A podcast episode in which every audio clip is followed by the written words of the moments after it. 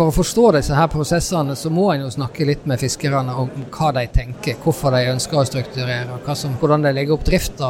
Det forteller ganske masse om hva slags betalingsvilje de har for, for kvoter, f.eks. Færre båter og færre mennesker skal ta like mye fisk som før. Hvilke konsekvenser får det for industri og kystsamfunn? Audun Iversen i Nofima forsker på nettopp dette. Dette er Tekfisk, podkasten om teknologi og forskning i sjømatnæringa. Jeg heter Kjersti Kvile, og nå skal du få høre mer om fordeler og ulemper med dagens kvotesystem. Audun Iversen, hva er strukturering?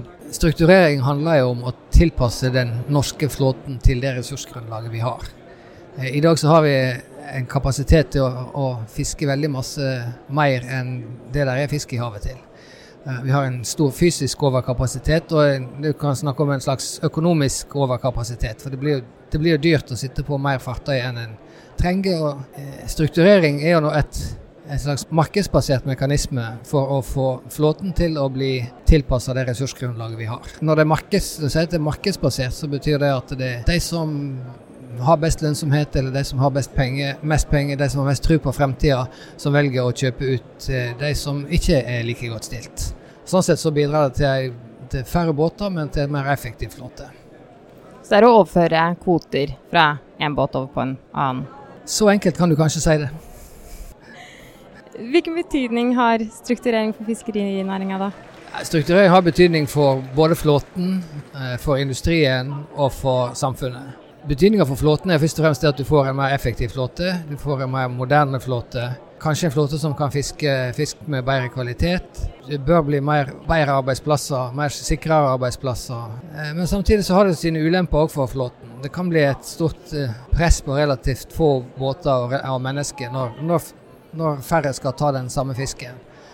Og selv om det kan lede til bedre kvalitet, så kan det òg føre til dårligere kvalitet. Ved at eh, det blir litt for store fangster og litt for travle sesonger, rett og slett. Så har det jo, og akkurat det har jo konsekvenser for industrien. En, en av konsekvensene for, in, for, industrien er at det blir færre fangster, det blir større fangster, og det blir kanskje litt sånn variabel kvalitet på fangstene. Sånn at det, industrien får absolutt merke det at det kan bli hardere konkurranse om, om råstoffet, og hardere konkurranse om det beste råstoffet. Og samfunnet, da? Ja, konsekvensene jo, for samfunnet er jo litt sånn todelte. På den ene sida er det direkte konsekvenser konsekvenser av en mindre flåte. Færre, færre båter, færre ansatte. Eh, og det blir kanskje konsentrert om færre samfunn. Samme ser en for fiskeindustrien òg når det blir færre og større fangster, så blir det fort færre bedrifter òg som kan leve av den fisken. Og Vi ser bare det at bare på de siste 15 årene så er det et par og 20 plasser som har mista det de hadde av fiskeindustri. Så industrien blir konsentrert om, om færre plasser. Og for fiskebåtene, hvordan har utviklingen vært de siste 20 åra?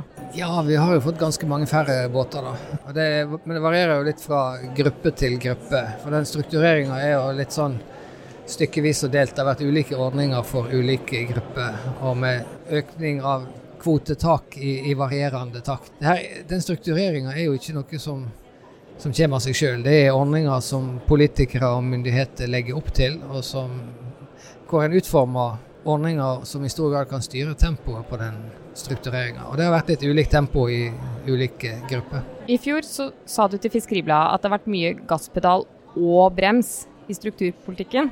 Hva mente du med det? Ja, du har en, eh, Det som ofte er gasspedalen i disse prosessene, er jo hva slags kvotetak en har. Eller det vil si hvor mange kvoter det er tillatt for en båt å ha. Når en øker kvotetaket, så eh, setter en på en måte på gassen og tillater folk å strukturere raskere. Så har en òg litt sånn brems. Du har, eh, du har en avkorting av kvotene som reduserer verdien av det. Og det er litt sånn begrensninger på omsetning mellom grupper og sånn som, som, som begrenser hastigheten. Går det i rykk og napp, eller hva, hvilken betydning er det det for? Ja, Det går jo litt i, i rykk og napp. Det, det, vi så på i fjor, var at uh, det var i de ulike gruppene så var det veldig ulik struktureringsgrad. Noen, had, noen grupper hadde en strukturert omtrent det en kan. Andre grupper så har, eh, er det stort rom til å strukturere fortsatt. Men så gir det, så gir det, gir det litt gass i utforbakke òg når en likevel øker strukturtaket. Så ja, litt gass og brems samtidig. Hvordan er det dere forsker på dette? I Norge så har vi jo noe av verdens beste fiskeristatistikk. Vi har, vi har tilgang til Fiskeridirektoratet sine sluttseddeldatabaser, så en har jo data på hver enkelt fangst. Både med art og mengde og pris og hvor det er fanga overalt. Så vi har jo egentlig veldig gode data for å kunne studere de prosessene her. Og Hva gjør dere med dem, da? Det blir veldig store Excel-ark. Som forteller dere hva?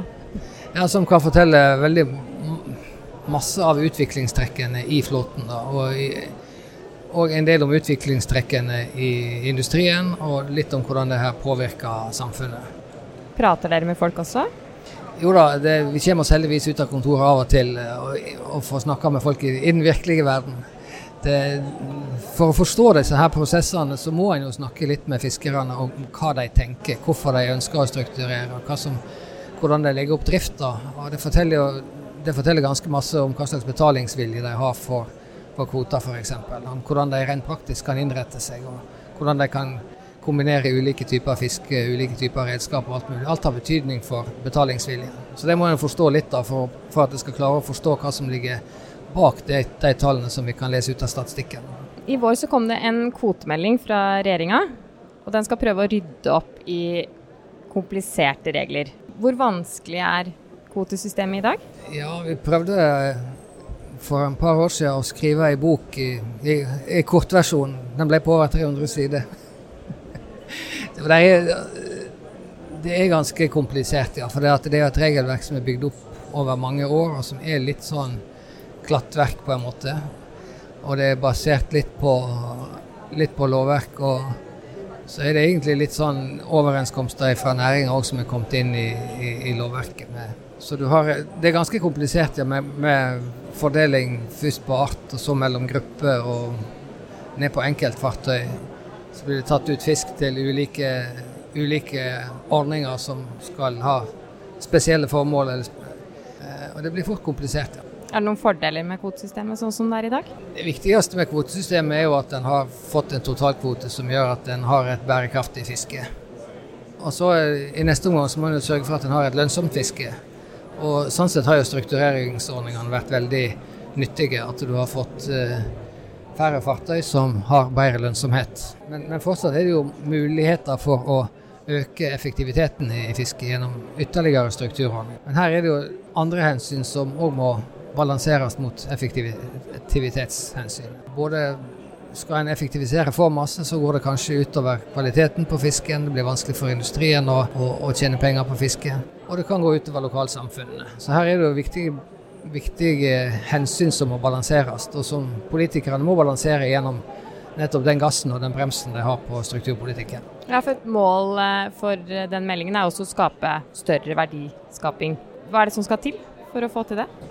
Ja, Det er jo, det er jo et litt vanskelig spørsmål. Er, flåten vil hente ut størst verdi hvis de får fiske fisken mest effektivt. Men det er ikke nødvendigvis det mest effektive for industrien, som kanskje vil ha større vekt på kvaliteten på fisken, verdsette jevne landinger over hele året, og sånn sett kunne skape arbeidsplasser på land.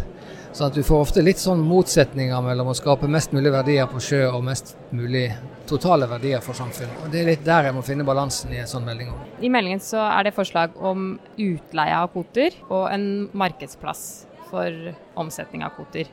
Er det en god idé? For, formålet med en sånn markedsplass for kvoter er jo å gjøre det mer effektivt å, å fiske, men òg kanskje gi fiskerne større muligheter for å spesialisere seg på, på, enkelte arter. Eh, at du kan spesialisere deg på hyse f.eks., eller sei og selge torskekvoten din, eller omvendt. Og, og, Sånn sett eh, kan det jo bidra både til mer effektivt fiske, og ikke minst til at en får flinkere fiskere som leverer bedre kvalitet. Altså, det, det kan absolutt ha noe for seg. Kvotesystemet i Danmark er jo annerledes fra i Norge. Kan du si litt om hvordan det funker? Ja, nå er jeg ikke noen spesialist på Danmark, eh, men generelt sett så kan jeg vel si at danskene har tillatt ganske kraftigere strukturering enn en vi har, og fått sett litt mer av konsekvensene, kan du si. De har fått eh, veldig konsentrert flåte, som politikerne nå møter veldig sterk kritikk for. Eh, og de har fått konsentrasjon i industrien, og, og en sånn konsentrasjon geografisk, hvor veldig mange steder ikke lenger har nok verken flåte eller industri å snakke om. Hva kan vi lære av det, da? Det vi kan lære er vel kanskje at vi skal tenke oss grundig, grundig om når vi utformer et kvotesystem. For det har, det har konsekvenser for flåten, ja, men det har òg konsekvenser for industrien og for lokalsamfunnet, der du finner både flåte og, og, industri. Og Dere i Nofima, hva tenker du blir viktig innenfor dette feltet å forske på fremover? Der er jo, som, som sagt så har vi jo fantastisk gode data som vi egentlig bruker altfor lite. Der er masse vi fortsatt ikke vet om hvordan kvotesystemene kan utformes for å gi best mulig effektivitet og best mulig eh, lønnsomhet. Men ikke, minst hvordan vi klarer å balansere de her ulike hensynene til både flåte og, og industri. Der er fortsatt masse av konsekvensene for industrien som vi gjerne skulle ha forska mer på.